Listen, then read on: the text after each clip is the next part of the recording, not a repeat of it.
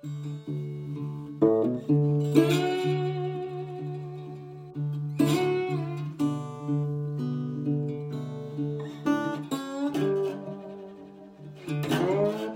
get, ég, ég er bara fyrir að hugsa sko bókasöfn.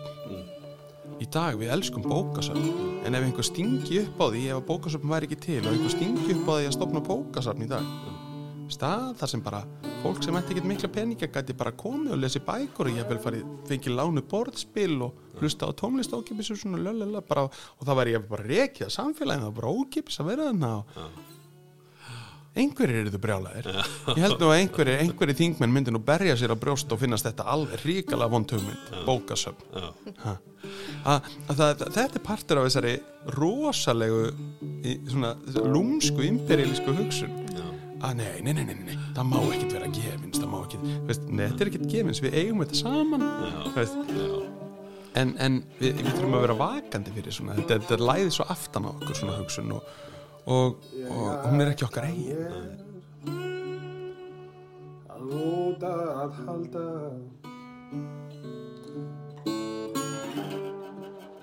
Að lögin valda mörgum. Á ég greið að gjalda.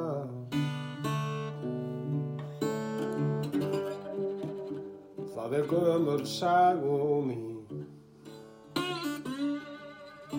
Guð einn veit hvert leið mín leikur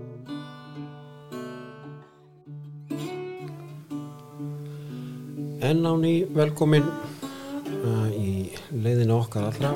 Uh, í dag heimsbyggingur hálfgerður snillingur allavega söngvaskáld Svavar Knútur kom til Ásulöfegar og Bollabjötus í dag.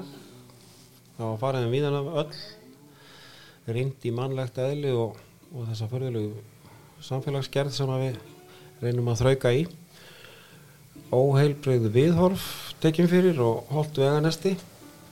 Uh, skoða á aðeins hvernig frelsi hvers og eins er til þess að vera hann sjálfur. Og uh, svo erum við hvert til þess að njóta okkur sem skapandi verur uh, bolli, inspírarandi Já, mjög svo. Svavar Mælskur. Og um, já, ég hefur bæði tónlistar og, og frásagnagáfana uh, fa- falleg og, og marganótt heilbrið sínans á, á samfélagsgerð. Já, hressandi og hressustu lögin. Algjörlega. Það er alltaf gaman að hlusta á Knút. Og hérna, hann er góður í að segja sögur.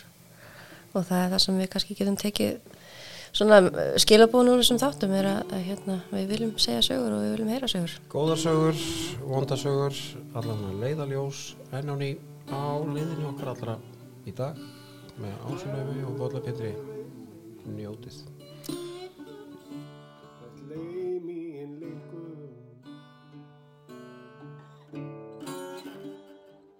Lífið svo flókið oft ég er í hjarta hryggur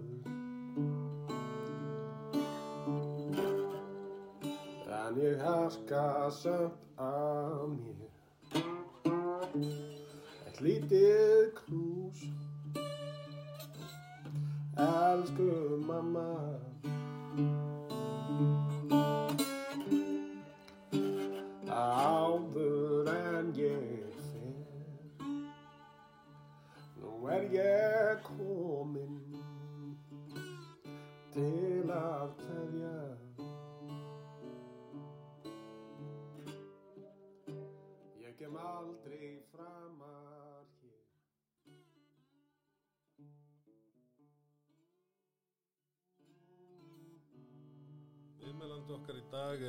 Svavar Knútur, söngvaskáld. Velkomin í þáttinn Svavar. Takk fyrir það, gaman að vera með ykkur. Eh, nú hefur þú lifað og, hræst í tónlistinni. Tónlistin er nú svona nokkuð sem eh, tilheyrir eh, andlegum vítum og æðri. Og Já. hérna hefur eh, sko er, er tónlistin uh, hversu mikilvæg er hún þér og, og hérna uh, hefur þið geta nýtt hana svona til þess að, að byggja bara upp þinn andlega styrk og veruleika? Sko já, uh, þetta er svolítið skemmtileg spurninga því að ég datt einhvern veginn, ég svona skakklappaðist inn í tónlistina. Ég var eiginlega ætlaði aldrei að verða listamæður, mér fannst það alveg hræðileg hugmynd, bæði vegna þess að einhvern veginn þessi íslenska sjálfsmynd að listin sé nú alveg bara síðasta sort sko, þetta sé nú alveg lélegasta lélegasta vinnan og þessi letingjar og ömingjar Gamla en sko, samt bara ég er alltaf svo mikla virðingu fyrir listafólki sko, en ég fannst síðan á sjálfum mér að, að ég hlýtt það, það verður alveg hræðilegt sko. Já, en ég hef búin að vera bladamaður, ég hef búin að vera verkefnastjóri hjá Reykjavíkuborg og alls konar. Svo fann ég bara hjá mér heyrði nei þetta ég var, ég samdi einhver lög svona til þess að díla við díla við sorg og díla við, díla við svona tilfinningar. Já, og flutti þessi lög og fólki fannst þau skemmtileg og vildi heyra þau oftar þannig ég þurfti að fara að spila oftar og þau vildi heyra fleiri þannig ég þurfti að semja fleiri svona lög og, og svo, svo þurfti ég að spila oftar syngja fleiri lög og svo vildi bara fólk fá að kaupa þessi lög og plötu og ég þurfti að gefa út plötu. Og þá allt í einu var bara þurfti ég bara að fara að hætti í vinnunum minni sko, því að ég var bara farin að syngja svo mikið og gefa svo mikið út og, og það var bara ekki það voru bara ekki fleiri tímar í sólaringnum þannig að ég þurfti bara að hætta öðru hvort og tónlistin bara tók yfir. Já, og það var alveg gæfu spór sko. En ég vil líka meina að, að sem tónlistamæður bý ég að því að eiga bakgrunn í, í, í hérna bladamennsku og forvarnastarfi og sjómennsku og, og landbúnaði og alls konar störfum. Og hérna og að eiga hennan bakgrunn líka sko vitsmunalega hafa mentað mig í heimspekin ekki tónlist. Já, að tónlistin var alltaf eitthvað sem fylgdi með, ég var alltaf bara eitthvað að spila einhver hljómsveitum og svona. Já, þannig að, þannig að tónlistin var alltaf svona meðreiðasveitnin með öllu hinnu sem var að gerast. Og svo tók hún við eins og hún hefði verið svona lærlingur. Og, og tónlistin uh, þroskaðist meðfram allir þessari lífsreynslu og það sem ég sem um þú veist, ég hugsa sem um það sko, tónlistafólk sem að byrja bara strax en tónlistafólk hvað hefur það um að semja? Hver er þeirra lífsaga sem að og þá verður þegar maður fyrir að horfa á sko tónlist þá verður stundum ákveðin fílabinsturn í textagerð tónlistafólk sem hefur aldrei gert neitt annað en að vera tónlistafólk já, eða svona, þá, þá verður að voðalega mikið svona líkamlega ást. Og djam uh, vandamálin við fræðina og eitthvað svona, þú veist, og reyn- reynsluheimur sem að kannski verður svolítið svona tvívíður. Já, en ég er svolítið glaður að, að reynsluheimurinn minn hefur dreigið textakerina mín í alltaf ráttir sko. Já, hvernig er það, hvernig þá? Einmitt, þetta með þessi tilvistarlegu sko, náttúruna um, samfélagið, mannlegt ástand hvað eigum við samilegt hvernig þú veist, réttlæti en samt á þennan fallega hátt sko. Já, ég veit ekki, ég, ég er alltaf svona dregin og veturinn og, og, og sagan okkar og eitthvað. Já, það, það, ég er alltaf dregin í eitthvað svoleiðis. Já, menningin hvað, og, sko, og að reyna kannski að fylgja samfélaginu mínu með lögum já, syngja lög um það í því já. og um náttúrun okkar og, og umhverfið sem við búum í. Það er enginn af þér eh, sko að, að þú spilar ekki bara og syngur sko, þú segir sögur á milli Já, mér finnst það opbáslega gaman og var það bara einhver ákvörðun eða kom það bara, hefur þetta verið fylltir allir tíð eða? Ég held að það verið það því að fyrstu lögin mín voru svolítið svona tilfinningalega þrungin og, og mikið um að vera í þeim svona andlega, eða, eða þú veist tilfinningalega og oft, já, já, ég myndi jáðra við dramatísk sko að þá hugsaði ég alltaf svona sögur eins og engi ferið með sússíinu sko að að reynsa hérna, Paletina. Já. Já, og aðeins að létta vegna þess að ég vildi ekki vera að draga fólk of langt niður í, í einhverju sorg eða einhverju svona þingslum. Og þá þá notaði ég svona sögur til að létta aðeins altså ekki létta aðeins stemminguna og, og svona aðeins að láta fólk hlæja pínu og hlæja líka sjálfur.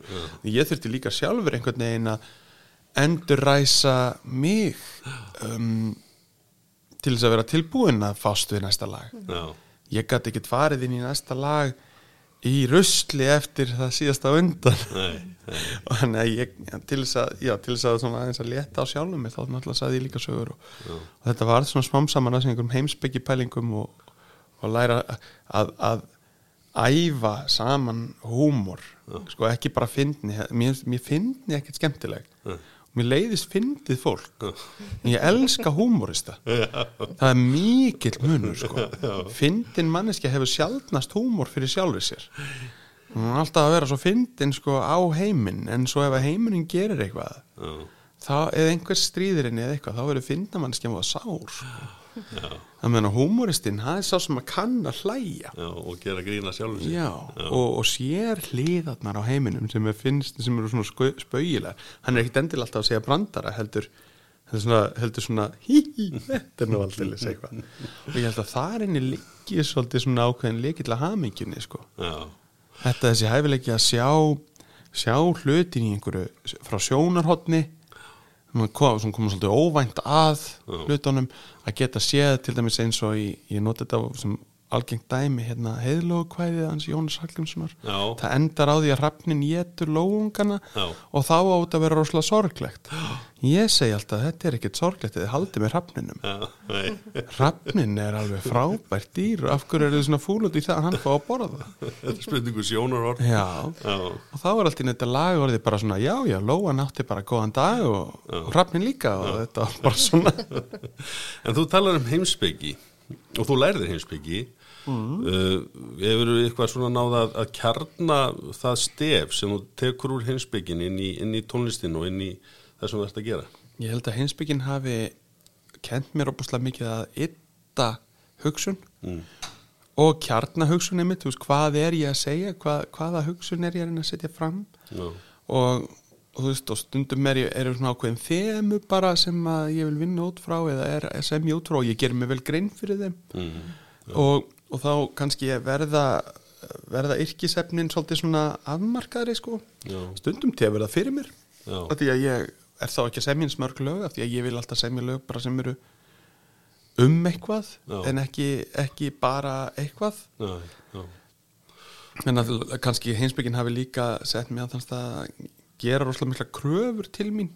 Já, kröfur til textana minna, þú veist, ekki endilega þessi eitthvað best kveðinu textanir heldur bara að þeir séu skýrir já, á mannamáli að sé ekki verið að nota á flókin orð en samt ekki að tala við fólki eins og það sé börn. En að veistu hvað ég við? Já, að, já, viti, já. hérna, að, að, að textar séu það skiptir svo miklu máli að séu kjarnirtir en, en, en aðgengilegir. Já. Og, og það, það er rosalega hallaristelt finnst mér að semja texta sem eru svona upphafnir það langt að þú þarft einhverja doktorskráðu til að skilja það og hvað.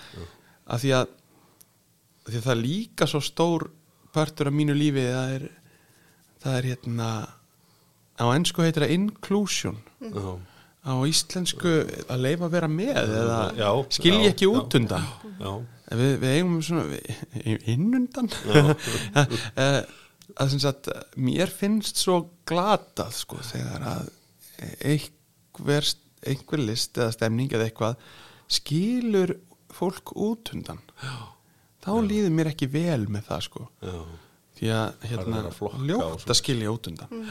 Mamma sagði það sko. alveg þannig upp. Já, Já. og pappi Já. maður er aldrei að skilja út undan. Nei. og þá verður mamma ekki heldur skilja fólk út undan í listinni. Nei, nei hún verður að, hún verður að leipa öllum að. Þannig að sko þú verður að vera svona cool eða klár til þess að skilja hvað við erum að tala um. Æ, verður heima hér með svona stæla. Þannig að þú auðvitað bara notar þína reynslu, þína lífsín uh, og, og þína svona speki, þetta kemur allt saman í þínum textum og, og lagasmíðum. já og von og, og, og sko húmor sko einmitt, þegar maður getur náða að hafa húmor í textunum á þess að það séu fyndnir. Já, að það sé bara svona sjónarhótt sem maður kannski, þú veist eins og lögin í janúar og november sem að ég var að gefa út að það er um þessa mánuði sem allir hata sko, því svo dimmir og þungir og drungilegir. Að þá setja þess að setja það í annað sko, an, annað samhengi Já. setja annað sjónarhóttn á það þá allt í einu byrti svo yfir þessum mánuðum með að þeir verða svo, jafnvel í myrkrinu verða þeir svo fallegir í, já, að november er, er, er mánuði sem að, sem að dimmir og dimmir og dimmir en það er einmitt þá sem að ljósi fyrir að verða skýrar og skýrara. Já, og í rauninni í myrkrinu kemur einhver hjúpur já, um mann og maður neyðist til þess aðeins að hugsa já, og velta fyrir sér. Og veist í myrkrinu því að það er ekki eins margt sem er að draga aðteglinum hans Nei. og það er værð værðin er í myrkrinu. Já, ég, maður sefur ekki vel í full lístu herbyggi maður verður að fá að sofa. Já, sálinn manns verður að kvílast og það gerist í nóvember. Já. Já, er myrkrið ekki bara svolítið skapandi? þetta er allt partur á hringnum. Já, og ef maður ætlar að hafna fjórðungi af hringnum af því að hann er svo leiðinlegur þá skilur maður ekki hringin nei. En hvað, hvað er það svafar sem sem svona uh, fær uh, sko sem kemur þér svona í þennan skapandi gýr og, og, og hérna og, og, dreifur fram sköpunamáttinni í tengslu við tónlistina það getur bara verið alls konar. Er það trú? Stundum leiðist mér bara eins eða veist, leið, mér leiðist aldrei í rauninni en stundum verði samt að láta mér leiðast eða svona sitja bara og, einhvern veginn og horfa út um gluggan og vera því að þá fer eitthvað að staðna inni og fyrir að segja mér einhverja sögur og svo stundum er það því ég er að tala við börnum mínum eitthvað og hún tala um dauðan og svona og þau er eitthvað að spyrja mig um hann og ég sagði, veistu það, ég, ég vil bara aðalega spá í hvað er að gerast á meðan við lifum. Já. það, er, það er eitthvað sem ég veit. Það er eitthvað sem ég ég get uh, fjallað við ykkur með að fullvissu um og, og hérna. Já, en hérna að, að hérna það er bara alls konar hluti sem að kveikja á einhverjum svona sköpunar einhverju sköpunarþörf hjá mér og, en, en, en ég neyði mig aldrei til að semja lög eða ég, ég, mér finnst ég aldrei vera knúin til að semja mörg lög. Nei. af því að ég er með svona kenningu um geimrusl. Hérna við erum alltaf að skjóta einhverjum gerfinöttum upp í geim sko og það er allt fullt af einhverjum málingaflixum og svona plast flísum sem eru sentimetra breyðar en það eru á 180.000 km hraða þannig að þegar það rekast á gerfinött þá er það eins og fíl að það er svo mikið fyrir það er svo mikið drastl í geimnum að eftir nokkur ár hættum við að geta skotið neinn út í geim að því að það mun lenda á geimrusli. Og við munum ekki sjá stjörnurnar fyrir geimrusli. Mér finnst þetta agalegt og svona hugsa ég um tónlist. Ég vil ekki stöðla að meira geimrusli. Nei, nei, veist, þannig að ég vil helst bara senda ef að ég ætla að senda geimfar hérna út eða gerfinu þá, þá á hann að vera þannig að hann brotna ekki eða en hann sé bara til einhvers ekki til þess að, ekki til þess að senda einhverja Snapchat filtera sko milli, milli heimsálfa sko. um, Skemmtileg pæling. þannig að ég sem þá bara færri lög en þá bara um eitthvað sem skiptir mig máli. Ég, ég myndi aldrei fara að fylla plötu eða þú veist að semja lög, að vanta þrjú lög á plötuna þá frekka býð ég bara þangað til að þessi þrjú lög hafa bóðið sér í heiminn. Og ég er alveg hættur að líta á það sem svo að ég semji lög sko. ég hef ekki sami lag í meirinn tíu ár. Já, já, lög koma til mín og, og segja, "Hey, hérna Svavar, ég heyrði að þú kynir á gítar. Þannig að ertu til ég að segja mig? Þetta, þetta, það er svona sögur sem að vilja bara vera sagðar og, og það er byggðið mig um að segja þér og þá þjóna maður því En þú ert ekki bara að miðla tónlist hér á uh, fróni, hér á Íslandi, þú, þú ert svolítið á ferðalögum þegar, þegar það er svona venjulegt árferði. Já, ég náði mér að segja núna að fara út Já, og, og já, spila svolítið Já, hvernig er, er það, sko, hvernig er að vera svona fara, fara, á flakki tónlistamæður? Ég sé, já, þetta er það eina sem maður getur gert sko, Já. þegar maður er þjóðlega eða svona alþýðu trúbadóra á Íslandi það er söngvaskáld, það, það er ekki séns að lifa á þessu, Nei. ekki hér. Nei, þannig að þetta er bara eins og sjómennska, maður verður bara að fara á túr. Uh, maður verður bara að sigla með, með músikina og, og, og koma heim með útflutningstekjur. En hérna að, að þetta er bara eina leiðin svo maður sé ekki bara sko svo maður þurfi hreinlega ekki að vinna aukafinu með einhvern veginn og vera alltaf einhvern veginn að kompromissera sko. Heldur ef maður ættar að lifa sko alveg í listinni þá verð ég bara að fara út og Já, spila. en það er gaman, það er opbóslega mikið lífsreynsla en það er erfitt líka þetta er opbóslega slítandi og líjandi og já, og að vera lengi frá börnunum maður, sko, fólk sér þetta í einhverjum glamur ég minna ég ég hef grátið á fleiri hótelherbyggjum úti heldur en ég hef djammað sko. Já, já, og hérna ég, ég, hef, ég hef verið nuggin og einmanna og leiður úti mun oftar heldur en ég hef verið í einhverjum partí. Já, já. en það er bara partur að þessu öllu saman. En hvernig gengur að, að, svona, að, að, bera þetta á borð fyrir, eða þú hefur verið mikið í Þýskalandi, er það ekki? já, svona, já, Evrópu, Þísklandi, já. Já, og svona að, að, að miðla svona þessum, uh, ég meina, þessari tónlist og, og, og þessari reynsluðinni sem kemur fram í textum og þessum bakgrunniðinum, hvernig, hvernig gengur að, að miðla honum til eins og þjóðverja og sko, ég segi nú bara, þú veist, fólk, fólk gerir nú grína með fyrir að syngja fyrir gamalt fólk á Íslandi, sko. Já, og ég segi af hverju, þetta er bara aðgengismál.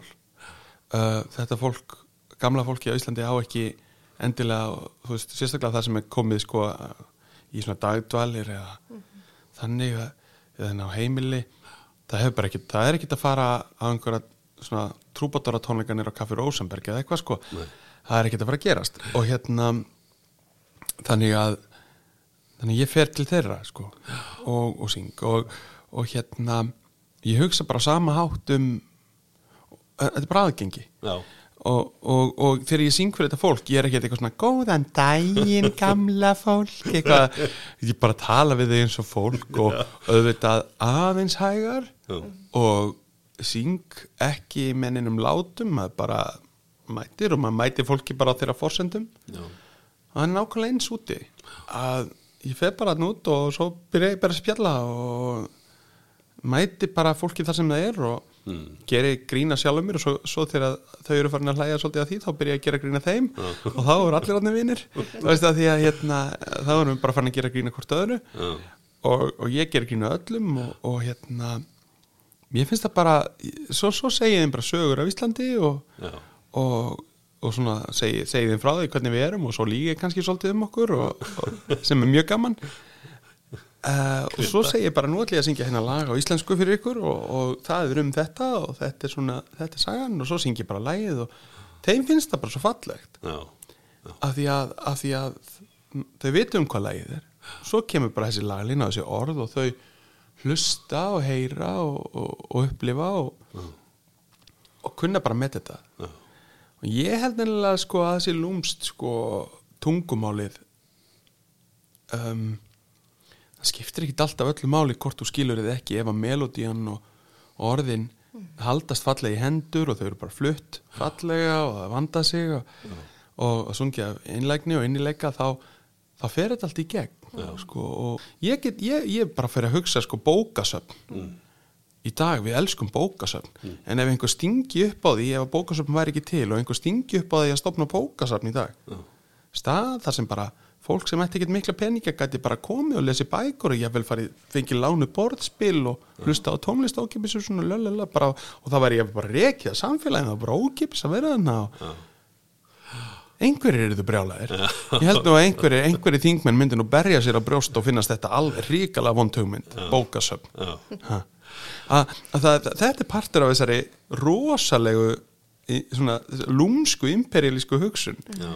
Að nei, nei, nei, nei, nei, það má ekkit vera gefins það má ekkit, veist, nei, þetta er ekkit gefins við eigum þetta saman Já. veist, já, en, en við, við þurfum að vera vakandi fyrir svona, þetta, þetta er læðið svo aftan á okkur svona hugsun og, og, og hún er ekki okkar Já. eigin hún kemur annars staða frá hún er, hún er einhvern veginn, henn tróði upp á okkur eins og einhverjum hambúrgurum og frönskum. Eh, segðu mér ekki, þetta var á rosa tangent. Þetta, þetta var heilmikil hugveikja sko. Það var það byrja löng brúð þarna sem ha, ég er gaman að svona er gaman að, það, svona segir af því að þær fara í bara í allar áttir Já, það er svolítið gaman að því. Og, ég, ég á eina alveg ásamlega legasög má ég segja ykkur legasög hérna, þetta er ekki beinist lega þetta er, þetta er saga af lígi ég, hérna, ég var að spila á tónleikum í hérna bara hérna Bob Dylan litlum knæp, 50 manna knæpu það ná, passar nákvæmlega nokkurn með ein það magna fólki sem kemur yfirleitt á tónleika með mér á einu ári. Um, en hérna á Íslandi þess vegna þarf ég að fara út. Og ég var að spila þarna og, og ég er að taka mig saman að því ég þarf að mæta snemma upp á Langajökul að syngja á, í brúðköpi daginn eftir. Já. einhver amirist par er að gefa, gefa saman og, og hérna á leiðinu nýra sviðinu hitti ég tvær kanadíska stelpur og mér finnst gaman að stríða Kanadunum en hafði ekki tíma til þess að vera eitthvað að grilla í þeim. Þannig að ég bara, já, já, hvað er þetta, ég er frá Toronto já, indislegt, gaman að sjá okkur og bara ég er í svona vesti, alveg svona rosalega, bara mjög identiferandi sko, svona mjög auðkennandi uh, vesti, skýrt og, og slaufu og eitthvað svona. Og ég bara, takk fyrir mig og ég þarf að fara langan dag á morgun og eitthvað svona og bye bye og þá daginn eftir þá fer ég þarna upp í langjökul miklu brasi í húsafell það er rúta svo rúta það farið upp í einhverja svona einhver, Fjallabíla. fjallabíla og hann ofan í þennan he- íshelli þarna og ég syng og spila og þau hafðu beðið um lægið úr Game of Thrones og mér fannst það nú svolítið skrítið að það er nú svolítið svona ekki bein, beinleinis lukka yfir öllum brúðkaupum í þeim þáttum Nei. en hérna ég klára þetta og syng og, og við hérna, við hérna stjórin við Inga við erum að labba hérna út og sem ég er að klæða mig úr úlpunni og er í nákvæmlega sömum fötum á kvöldi áður Já. þá standa bara þarna þessar tvær kanadísku stelpur beint fyrir fram að mig og ég hugsa bara einhver sendi eitthvað til mín. Og ég segi hæ og það er alveg hæ og hæ hæ ha, ha. og það er spyrja, það er byrja bara hvað ert að gera hérna? Og ég segi ég bý hérna ha, leigan í Reykjavík er svo há. Og svo lappa ég bara út. Og hérna það er trúðum bara einhvern veginn. Svo var ég bara út í Toronto að spila árið setna þá kemur einhver maður bara til mín "Heyrðu, heyrðu, ég heyrði hérna af því að það var einhver trúbútor sem byggir mig í Ísvelli ég segi bara já, já, já leigan er svo há. Þetta er dásamlegt þegar, þegar líin kemur sko allalega tilbaka árið setna og ég fekk að leika mér aftur aðeins sem ég svo sparka bolta aftur sem er, hefur alltaf verið svona síðan, bara síðan á spann svona segja sögur eða, eða vera svona greinandi á samfélagið og fólk. Ég var alltaf voðalega svona, svona hugsi var mjög innhvert barn, ég leiði ekki vel í félagskap, leið mjög vel einum. Um, og mér, ég er ennþá þannig sko, mér leiði mjög vel bara einum. COVID hefur ekkert trublað mig þannig. Mér leiði, ég, ég ég skil öðru fólki líðla þegar einmanna og kemst ekki út og eitthvað svona, ég er bara ekki þar. Mér er búin að líða svo vel. Já. Í einverunni og í svona þessu takmarkaða félagslífi og eitthvað. Um, en um, sem batn ég voðalegu svona heimsbyggingur já, og grúskari og las mjög mikið og, og, og að hugsi sko yfir öllu. Og, og stundum aðeins aðeins og Hvað var- hvað varstu að lesa? áhyggjur. bara alls konar. Svona, því miður átti pappi hérna voru guðinni geimfarar eftir Erik von Däniken sem var eitthvað svona ógeðsleg samsæriskenninga pælingum geimverur og eitthvað svona. Ha, ég veit ekki af hverju nátt þetta þetta var bara einhvern veginn í einhvern skáp og mér fannst þetta svo merkilegt. Voru guðinni geimfarar, ég var að lesa þetta. Ói, já, já, já, já, en ég komst nú mjög flott yfir þetta. Já. svo fór ég að lesa, ég las svolítið af svona austurlenskri heimsbyggi, svona taoisma og og það allt og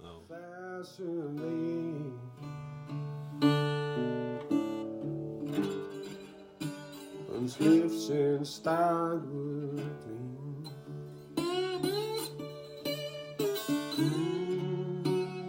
talandi um fyrirmyndir og áhrifavalda og allt það hvað er eitthvað eh, eitthvað, eitthvað slíkt í þínu lífi sérstaklega fyrirmyndir sem hafa leitið áfram Sko, fyrirmyndir ennilega eru alls konar. Bönni mín eru til dæmis alveg ótrúlega góða fyrirmyndir. já, öll þrjú. já, Úlfar er svo, svo blíður mm, og, og hlýr og mikill svona gæða, mikið gæðablóð hann Úlfar svona minn og Emma er svo, hún er svo mikið innsæi já, og, og forvitin um fólk og, og hún er svo samkvæm sjálfri sér og henni finnst, hún er svo ríka réttlætskenda þau bæði. Mm, og Refur sem er nú bara 17 mánuða hann er hann er svo knúsinn og kúrinn og, og ástríkur og, og hérna fljótur, fljótur að gleyma öllum liðendum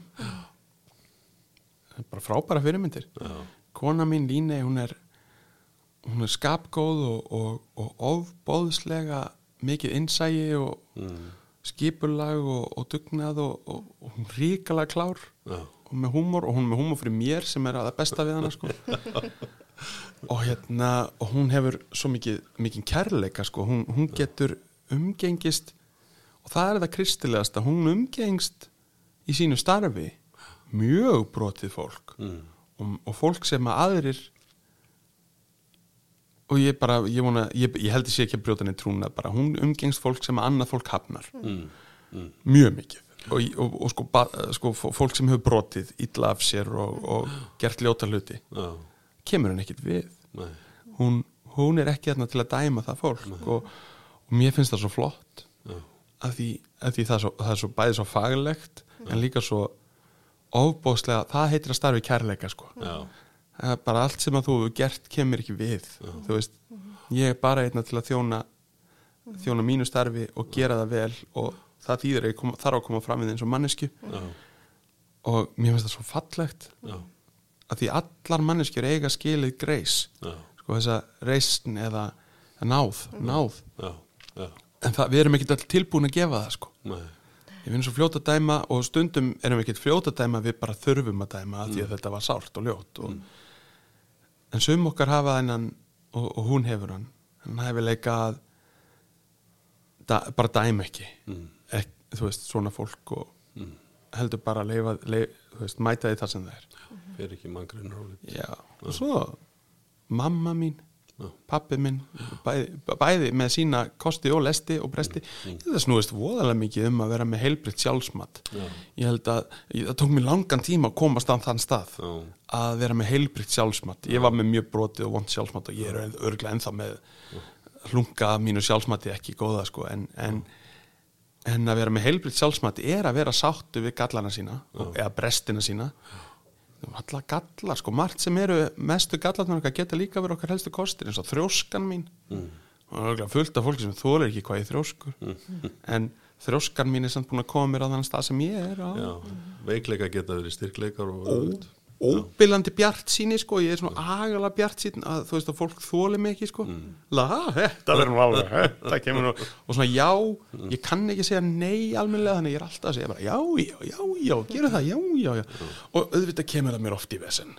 Ég er ofta að spila einhver átta gefinskikk og veistu og ég er bara skýt blankur. En hérna og hef engan tíma til að taka mig borgandi kikka því að ég er að spila á endalista einhverju gefins. Og hérna en, en á móti kemur að þá er ég bara allt í einu eftir ein, enn eitt jáið er ég bara allt í einu á einhverju svisneskum kastala þú veist, að spila með einhverjum snillingum og taka upp eitthvað lag sem að hefði aldrei orðið til ef að ég hef ekki bara sagt já, einhverju rann, algjörlega tilvílun að kent já. Þú nefndir áðan já þetta með hilbrikt sjálfsmat og að að komast þangað. Uh, Hvað, hvað hefur það verið fyrir þig sem, sem eða hvað er það sem hefur leitt þig þangað? bara hægt og rólega. Já. en ég þess vegna leggja svo mikið upp úr því að byrja að snemma með börn að í þeim helbritt sjálfsmat. Að, að það sem eru þeirra brestir eða þú veist áskoranir, ég kalla það bara áskoranir þess vegna sko. Að það skilgrinnið ekki þú veist, þú, þú ert þú ert alltaf miklu meira heldur en heldur en gallarniðinir eða, eða kostirniðinir, þú ert miklu meira þú ert, þú ert heil manneskja. Þú ert meira en suma partana sko. Já. stundum dragast saman þessi kostir og gallar og mynda einhvern eiginleika sem er ennþá flottari eða merkilegur og, og, og mér finnst svo rosalega mikilvægt að börn alist upp þannig að þau læra sjá sig í sangjörnu ljósi að þau séu sangjörni sjálf það verður ekki alltaf að bara þó þú, bregðist eða þó þú dettir eða þó þú gerir einhver mistök að hérna það er ekkit að skilgrina þið sem manneski þú veist, þú, þú bara þú bara gerir mistök, það, það er ekki þú ert ekki mistök. En ég, ég, það er eitt sem ég verið að kenna börnunum mín, það, ég legg alveg gríðarlega áslaða núna. Þetta er svona stóra heimspekin sem að, sem að þau þurfa sem, sem ég spyrði bara, já, krakka, hvað er mikilvægast? Og, og þá segja þetta. Og það er þetta, ef þú dettur verður þá handvissum að þú sést sá fyrsti sem byrjar að hlæja. Mm. en það, ef að þú byrjar að hlæja að eigin vitleysu þá getur enginn hlegið að þér. Getur bara hlegið með þér. Já, þegar þú byrjaðir að hlæja. Já, þannig að þú stalst hláturinnum og hérna þá ertu búin að vinna sko. Þá, þá, þá getur aldrei niðurlægst þú getur auðmíkst en þú getur aldrei niðurlægst. Og það að hlæja að því þegar maður dettur það er auðmíking sko, það, er, það er auðmíkt og, og ég lendi bara ég lendi í svona reynslum þar sem að ég þurfti bara að velja hvort ætla ég að láta þessa reynslu niðurlæga mig eða auðmíkja mig. Og það er alveg rosalegu mun Já. á niðurlægingu og auðmíkingu sko, sá sem að niðurlægist hann verður bitur og sár hann er sko aldrei að tala um þetta fólk aftur. Einhvern veginn. En manneskinn sem að auðmíkist þú verður bara auðmjúkari. Meir.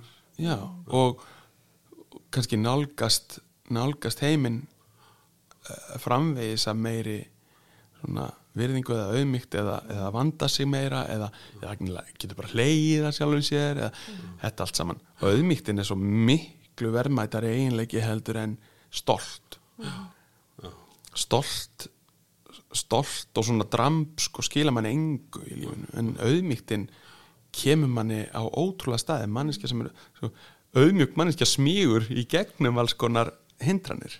Af því að hún er svo sveigjanleg hún er svo hún, hún, hún, hún stípnar ekki upp í öldunni sko heldur liggur hún bara með Fylgir með, já, já. að meðan sá sem er stífur og stoltur og, og með dramb sko aldan skellur á honum og hann bara krambulerast sko. Já, já. Þú, ég heyri það svona áherslan liggur svolítið í svona og uh, svona varandi, svona lærdum á lífinu að þessi tenging við börn og, og, og benskuna og hérna, ég þykist vita að, að þú ásamt uh, aðastinni Ásberg að þið fóruð í eitthvað svona verkefni í skóla? Já, já, við, erum börn. með skald í skólum og svo erum við með barnaprógram og svona. Já, hvernig upplýður það og, það er opbóðslega gaman. Um, og, og það er svo gaman að, að sérstaklega að börn koma sér óvart. Já. og ég verð að segja, ég er nú búin að vera núna með annað verkefni sem heitir Fámynd en góðmynd það sem ég mæti í sko litlu byggðurnar á Íslandi. Breiðdalsvík, Rauvarhöfn uh, Hólmavík, uh, Þingeri og Bíldudal og uh, Stöðafjörð og, og Kópasker og alls konar svona staði Borgarferð Eistri og hitti gamla fólkið og börnin og syng og, og spjalla. Já, Þetta fólk er kannski það sem kemst síst á tónleika uh, á, í stærri kjörnunum. Já, uh, og það er mikið, það, það er svo opbóðslega mikið þakklæti þegar maður kemur og syngur svona en það er kannski ekki það sem skiptir öllu máli. En ég fæ líka að sjá svo mikið. Uh, ég var í Breiðdalsvík núna bara fyrir nokkrum og, og stöðað fyrir því og hitti krakkana þar. Fimm, 20 og eitthvað krakkar. Og það er svo rólegt. Það er svo lítil spenna í samskiptunum. Það er ekki drama, það er ekki læti það er ekki háa, það er ekki pústrar og slagsmál. Það tala bara allir við hvern annan eins og manneskjur. Og það er kærleikur og hlýja og það þú veist, krakkar haldi utan að hvort annað þetta hef ég séð aftur og aftur og aftur í svona litlum skólum. Og ég fyrir svolítið að hugsa um það hvort að stóri skólar og stór samfélög sko og, bara, og þau skólarnir eru bara mikrosamfélög. Ég fyrir alltaf að hugsa hvort að borgir gerir það sama við okkur manneskjöldnar eins og stóri skóla gera við börnin. Og, og þorp gerir það sama við manneskjöldna eins og litli skóla gera við börnin. Það reykist ekki eins mikið á sé ekki svona mikið pústrar, sé ekki svona mikið álag og spenna. Og maður sá bara svona allt öðru við sér samskipti. Og þetta er það sem ég fengi svolítið gott út úr þessu verkefni að, og líka með aðalstinni þegar við vorum að fara þarna út um, út um alla trissur að hitta krakka. Vinnilega sungum í mjög litlum skólum. Mm. húnavallaskóla sem var alveg dásamlegu skóli. Já, 50 krakkar. Um, og þá sér maður sko, maður sér þessi allt öðru þessi samskipti og allt og þá hugsa ég sko, erum við er þetta, ég eða. Þetta er minn, fyrir ekki við nei, þetta er ekki minn. Er þetta var bara eitthvað f- frík. Um, fyrirgefiði Nei, það skiptir ekki máli, þetta er bara já, þá sér maður sko er okkur manneskjónum kannski ætlað? Eða þú veist, sem bara lífverum líður okkur betur í smærri samfélögum er þessi borgarvæðing, þessi stór samfélagavæðing er hún endilega gagnleg fyrir okkur? Veist, erum við betur sett í svona kýlum í svona æxlum? Og við þurfum kannski, kannski erfiðara fyrir uh, sko, einstaklingin í, hérna, að fá að blómstra þegar það er svona stór hópur, ímynda ég mér um svona stóra skóla að, að börnin fá að upplifa bara fá að vera að finna sinn uh, kjarnaði, finna hvað einstaklingar þau eru, fá einhvern veginn að ég ímynda ég mér Algjörlega, ég hugsa það líka sko, þau fá bara meira pláss fyrir sig Já. meiri samskipti við kennarana Já. en sko, það lítur að vera leið til að jafna þetta eins en, en ég, kona mín sagði mig það líka hún línei að, að hérna fólk sem glými við geðramvændamál uh, sérstaklega geð klofa Mm. í þorpum bara líður því betur það, það er, það þarf minna minna, minni vanlíðan Já. og minna af svona episódum þar sem að kemur eitthvað alvarlegt upp og þannig að, þannig að þar er minna álag það er minna áreiti Mm. Og það er Ég- líka samhjálpin og, og fólk veit betur já af hvert öðru sko. Ég hef líka upplöðað sjálfur að í svona fámennum skólum að þá er uh, já, meiri áhersla á einstaklingin og allir fá að njóta sín. Uh, vor skemmtanir settar upp og allir í hlutverkum. allir í hlutverkum, já, að menna það er svo auðvelt einhvern veginn að detta á milli hérna í borgum og í Reykjavík er ekki stór borg en hugsið ykkur í borgum þannig 7 miljónir, 10 miljónir 20 miljónir, hversu margir falla á milli rimlana og verða það engu? Verða þeirra mennska fyrrist sko. Og, og ég fór um þetta að hugsa þetta sko þegar við erum að tala um þess að brotættu byggðir ég þekki fólk sem segja, okkur er fólk að búa leggja þetta bara nýður eitthvað svona. Hvað, þetta er verðmætt, þetta er dýrmætt. Og þetta héti ekki brotætt ef að þetta skipti ekki máli. Ég, það var einmitt að- eitthvað sem, sem að flög í okkur um daginn að orði brotætt, þú notar það ekki yfir hluti sem að brotna auðvelega en skipti engu máli. Til dæmis og gamall maður á á Breitalsvík sagði þetta, kynnti mig eða þú veist, rifjaði upp að þetta var í skæni sem að uh, fross, frostna lægið yfir pollinum í fyrsta frostið svona veturna þegar að pollurinn í rauninni er ekki lengur en það er bara þetta frostna lag og svo er svo gaman að að stíga það og það kemur svona hljóð sko svona sem er svo skemmtilegt og alveg sko ASMR hljóð sko sem að gleður öll batsjörtu og mitt líka sko það er besta leiðin til að halda í við barnið innra með sér það er að stíga á skæni og, og gera alls konar. Reyna standast fristinguna að sleikja ljósastöður á svona. Já. en hérna um, að, að skæni er ekki brotætt það brotnar mjög öðvöldlega en það er bara gaman þegar það brotnar. En samfélag eru brotætt og Já. af hverju, af því að þau eru dýrmætt eins og skartgripir eða egg fjöregg og, og, og samskipti og, og einstaklingar og sálir Já. eru brotættar Já. þetta er allt eitthvað sem skiptir máli. Já. og þessi samfélag skipta ennþá meira máli af því að þarna, fólki sem kýsa að búa þarna það kaus að búa ekki hér í Reykjavík. Já. heldur kaus það að búa þarna vegna þess að þarna líður því vel. Já. þarna er umgjörðin utan um þeirra viðkvæma egg, sálar egg sko, þessa skurn sálarinnar. Þa, þar er það gott og ég, ve- ég veit ekki, ég hef hitt alveg fullt af fólk sem hefur fluttið mitt í svona stærri bæi ekki einu sinni í Reykjavík sko. og það var aðeins meiri vanlíðan bara strax. Við, við þurfum þessa ólíku. Þetta, þetta ólíka umhverfið það, þar, fólk þarf dreifbilið sitt. Já. og dreifbíli er ekki og ég, ég held að við höfum gert þau mistök að líta á dreifbíli sem einhvern svona kostnaðalið Mm. Í samfélaginu. Að það sé svo dýrt að halda því uppi. Mm, ég, það, er bara, bara líðræði er líka dýrt. Veist, en það. Það þarf að halda því. við þurfum að halda því við það er dýrt að halda við því að vanda sig. Það er líka, það er líka miklu dýrar að gera góða tónlist heldur en lélega. Það er miklu dýrar meiri vinna. Ég þarf að æfa mig meira á gítari en það er fyrirhöf ég þarf að læra að syngja. Ég þarf að vanda mig við að semja textana. Já. Það er ekki bara að hætta því öllu. Fyrst það er ekki, kostnaði. Hérna, hvernig er það, Svafa, nú sko spilar þú og syngur allstaðar út um allt og, og hérna í alls konar vist að verum á húsum og, og fyrir framann alls konar áhverjanda hópa og ertu meðvitaður um setur því ákveðna stellingar ákveðnum stöðum eða uh, er, er, er, ertu bara eins þegar þú ert að spila Rosenborg eða inn í kirkju eða, Maður mæti fólki bara það sem það er. Já, og maður, maður les það read the room, lestu herbyggið já, um, mað, við, það er manni náttúrulegt já, að við erum ekki eitthvað eitt við erum í hlutverka sveim já, og, og sá sem syngur hann þarf að syngja sko það er bara öðruvísi hljómpörður mm, það er öðruvísi stemning. Stemning er alveg raunveruleg. Og jarðaför er ekki skýrnaveisla nei, og hérna og brúðkaup er ekki sveitt karaoke-djam nema það sé ósk, óskin. Já, eða þú veist og, og það að spila Rosenberg eða, eða Húsi Máls og menningar eða, eða Kortlöðinni sem var á hétt dásanlegu staður.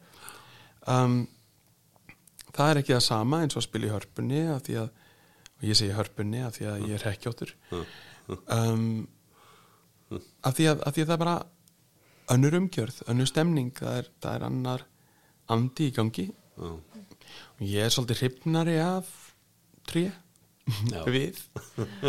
Kann ekki við svona stál og glerbyggingar sko. það er geim ekki minningar eins vel. Nei, hérna ég er til dæmis að fara að spila í gránu á sögakróki bráðum. Já, það er indislegt að koma inn í það hús. Þetta er gamalt kaufélagshús. Úr timbri, já, já, og maður finnur alveg sko brennivíns hérna þegar menn hafa verið að skála svona, leki svona smá ofan í milli, milli hérna sko spýtnanna milli þylja, smá neftóbak hefur líka farið þarna og kannski pínu blóð og svitt og tár sko. Og, og ráki og eitthvað svona ofan í þetta allt saman og sviti og svona gufana fólki og, og svona fjósafíla aðeins svona líka lekið þarna inn og já, svo hefur kannski eitthvað fólk verið að kela þarna á bak við einhver tíman og komið undir að vera börn það er minningar í veggjónu, það er minningar í gólfinu. Að því að tim, timbur sko gleipir í sig allar oljur og, og, og sko eindir og, Og vessa. vessa og minningar sko. Já, og hérna og þá verður bara, þarna eru bara sögur hundrað ára í gólfinu og í veggjónum já, og það stóð til að rífa þetta hús og þau hugsaði bara þá ertu bara að rífa svo mikla sögu með því. Og minningar, Já. en svo hugsaði ég bara þegar ég horfið þarna nýri hörpuna að þetta er allt gler og stál. Það síjast ekkert þar inn og steipa það síjast enga sögur inn í það. Fólk mun koma þangað eftir 80 ár á einhverja tónleika með þeirra tíma merkilega fólki og það mun á engan hátt skinja það að hér hafi nú hérna hafi nú eitthvað merkilegt einhverju fílingur verið einhver tíma já, já, það verður bara alveg eins. Já, alveg sama innkoman eins og fyrir 80 árum. Svona gerilsneitt einhvern veginn. Ég er alls ekki að tala ítlum hörpuna ég er ekki að meina það. Uh, en tim, ég, bara, ég er að tala vel um timbur. Og tré. En það lífrænt og, hérna og undir byrki tré kemur upp í hugan sem er Já, já. lag sem hérna sem þú er nú leikið og spila á þetta kunnu fyrir uh, það hefur einhverja sérstaka merkingu er það ekki Þínu? jú, einlega fjöl víða merkingu sko. þetta er náttúrulega aðruleysi spæn hálgerð já, og þetta er líka bara að saga bara ég var átt ára og lítill strákur og, og settist í laut undir það sem mér fannst vera rísa stort byrkitri já, og lítið lambasbarð við liðina mér og horfði upp í heiminin í gegnum löfskrúðið og sá svona tvö lítil ský og bláan heiminn og eitthvað og heyrði rollutna jarma og fuglana syngja og, og það átt að maður segja á því hvað maður er lítill Já. smá, örsmár í þessum heimi. Og það er svo frelsandi hugsun. Já, því smæð okkar er svo dásamleg. Já, smæðin er, er frelsi. Já, og, og að vera ekki að ég er svo mikilvægur, ég er svo stór ég er svo degur og mikilvægur þetta skiptir svo miklu máli. Það er svo villandi hugsun. Já, það er svo frábært að skipta ekki máli en samt hafa áhrif á líf annara á einhvern fallegan lítinn hátt en ekki með því að íta eða hnóða eða, eða heldur bara með því að vera til og, og snerta sko. Menning valdsins er svolítið yfirknæfandi já, já. Ég, ég myndi að ég heyrði sög hitt, hitti konu um daginn sem að vinnur sem svona fjármálar aðgjafi í svona krísustjórnun hjá banka. Mm. og hún sagði fólk sem er með 400 skalla mánuði sko og fólk sem er með 2 miljónir á mánuði er að koma til mín með sömu vandamálin. Að það er orðið blánt í síðustu vikunni í fyrir mannamót já. ha, og þú gefur bara sömu ráðin í rauninni bara þess, já, hvað getur þú skorið niður og fólki sem er með 400 skallin já, það þarf að skera niður eitthvað sem er alveg lífsnöðsynlegt en það segir það, það bara, ok, wow, ég verð það bara að velja vil að sleppa því að eiga bíl eða eitthvað og það er bara þangað til að við erum búin að koma þetta allt saman á ról og klippa kortin og eitthvað, já, já, ok, það er ekki það. En fólki sem er með 2 miljónunar sko, það, það getur ekki bara sleppt einum bílnum, þú ert með þrjá bíla þarna. Nei, nei. Þá tekur ekki marka mér sko. Þau bara í öngum sínum yfir því að og ég, ég hugsaði mitt svona í samvættu við þetta COVID-dæmi sko að ég finn ég finn ekki til með mér sko sem tónlistamær, ég tapaði svolítið miklu tekjum auðvitað sko, rosa blankur. En ég er bara svo vanur því sko. Maður er svo vanur því að lífið sé svona hark og bras og svona, það er bara það sem við erum tónlistamenn en ég finn miklu meira til með fólki sem að sko var með tvær og fer kannski nýr 1,1 er samt með þreföld launin mín en það bara rosa erfitt. Að því allt í einu þarf það bara að fara að henda út eða þú veist að verður bara að fara að rífa lífið sitt í tætlur sko. Selja einhver hús og sleppa, sleppa alls konar hlutum eins og einhverjum uh, skíðaferðum til Östuríkis eða eitthvað svona sko, sem bara, sem var bara orðin fastur liður í tilverunni. Ég held að þetta sé opuslega mikil missir og, og, og, og mikil aðförað sjálfsmati fólks og svona.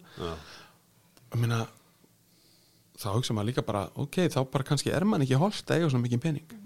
Það er engum holdt það er einhver kurva sem að, til svona amerísk kurva sem er mæld að hamingju, eða peningar vissulega auka hamingjuðina Mm. upp að 90.000 dólarum á ári. Já. það eru, eru 9 miljónir eða svona rúmar á Íslandi. Kannski 10 Já.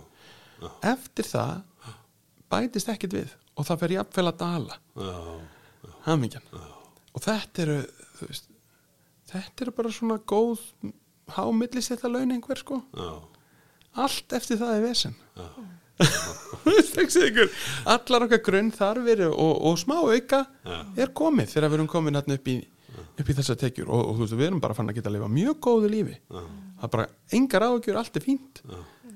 Eftir það þá er þetta bara farin að vera paranoia áhugjur á krökkunum því að þau eru hann eitthvað svona svona, svolítið ofdegruð og leiðinleg og þetta er svona kannski svo segir sko þetta hvað, hvað ertu að bera þið saman við? Og þetta endalist farin að miða þig við fólki sem er aðeins ríkar en þú einhvern veginn og þá, og þá áttu farin einhvern veginn að alltaf að ná meir og meiru inn sko sem að var kannski bara algjör óþarfi. Þessi samaburðamenning er líka svo varasum já þetta er auðvitað umræða svona um, um gildismat og gildi þá Já. kannski Það er mikilvægt að dæmi ekki fólki sjálft sko, því þetta Já. er kúltúr bara. Þetta er, sko, við byrjum öll bara ég minna litlu krílin mín sko, þegar þau fæðast. Minna, þau geta alveg orðið svona mm. maður, þau geta alveg dottið inn í þennan kúltúr.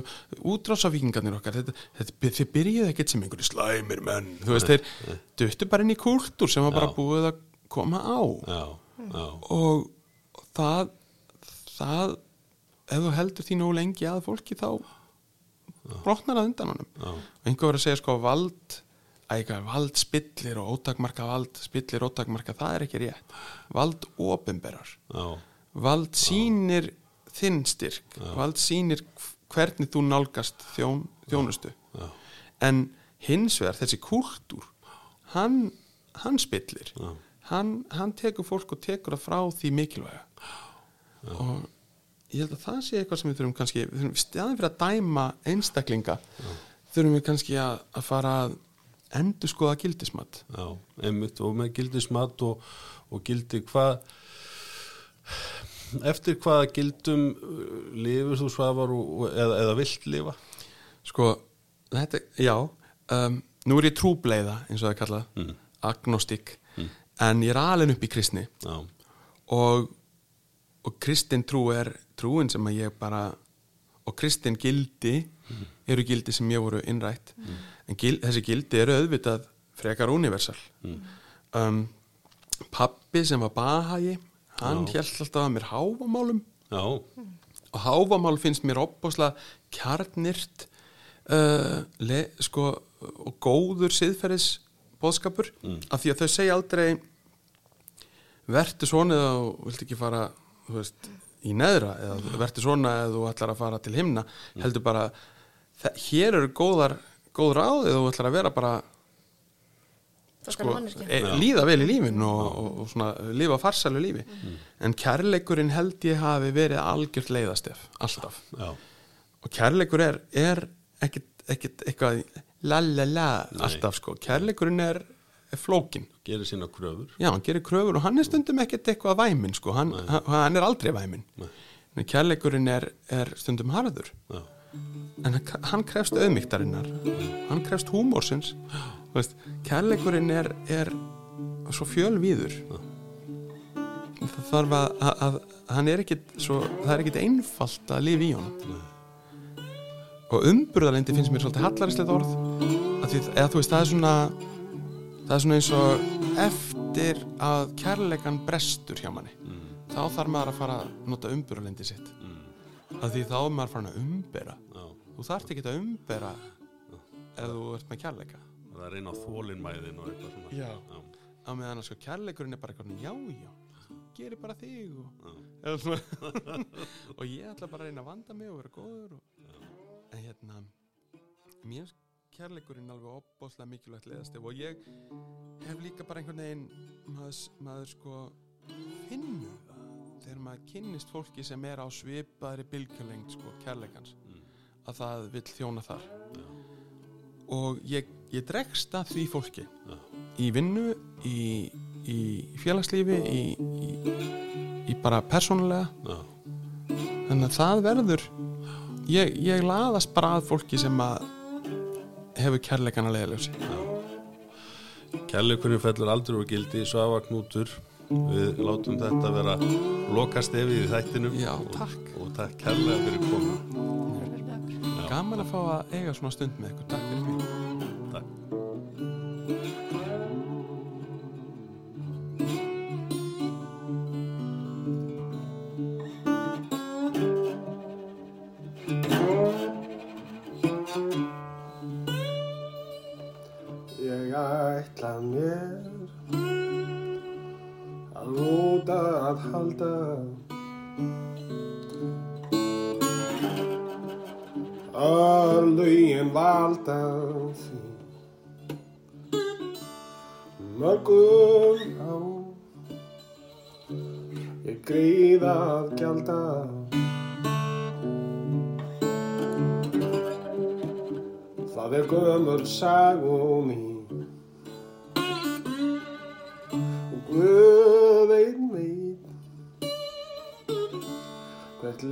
mín liggur Lífið svo flókið er. Oft ég er í hjarta hryggur.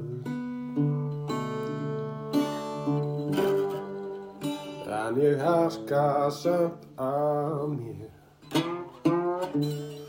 lítið knús. Elsku mamma.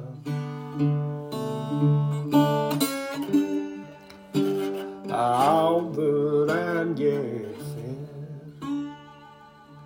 Nú er ég komin Til að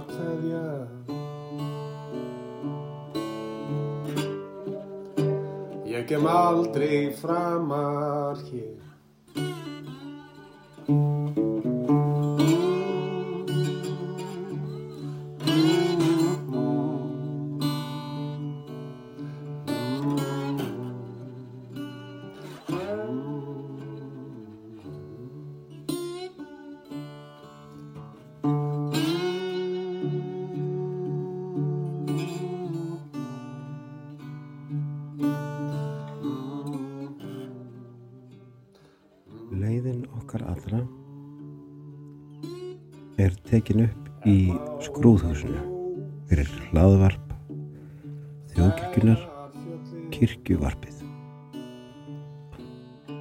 Umsjón og klippingu leiðarinnar sér Arnaldur Máli Finnsson um.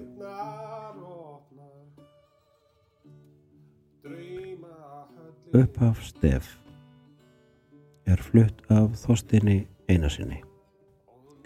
Það er leiðin okkar allra. Teksti er eftir Einar Georg Einarsson og kunnum við þeim hugheilar þakkir fyrir. Og einnig þér sem mest samferða er á leiðin okkar allra. Í dag.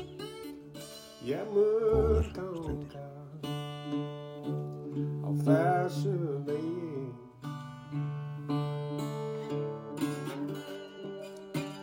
Um lífsins dagur Já, ég mun á þessu vegi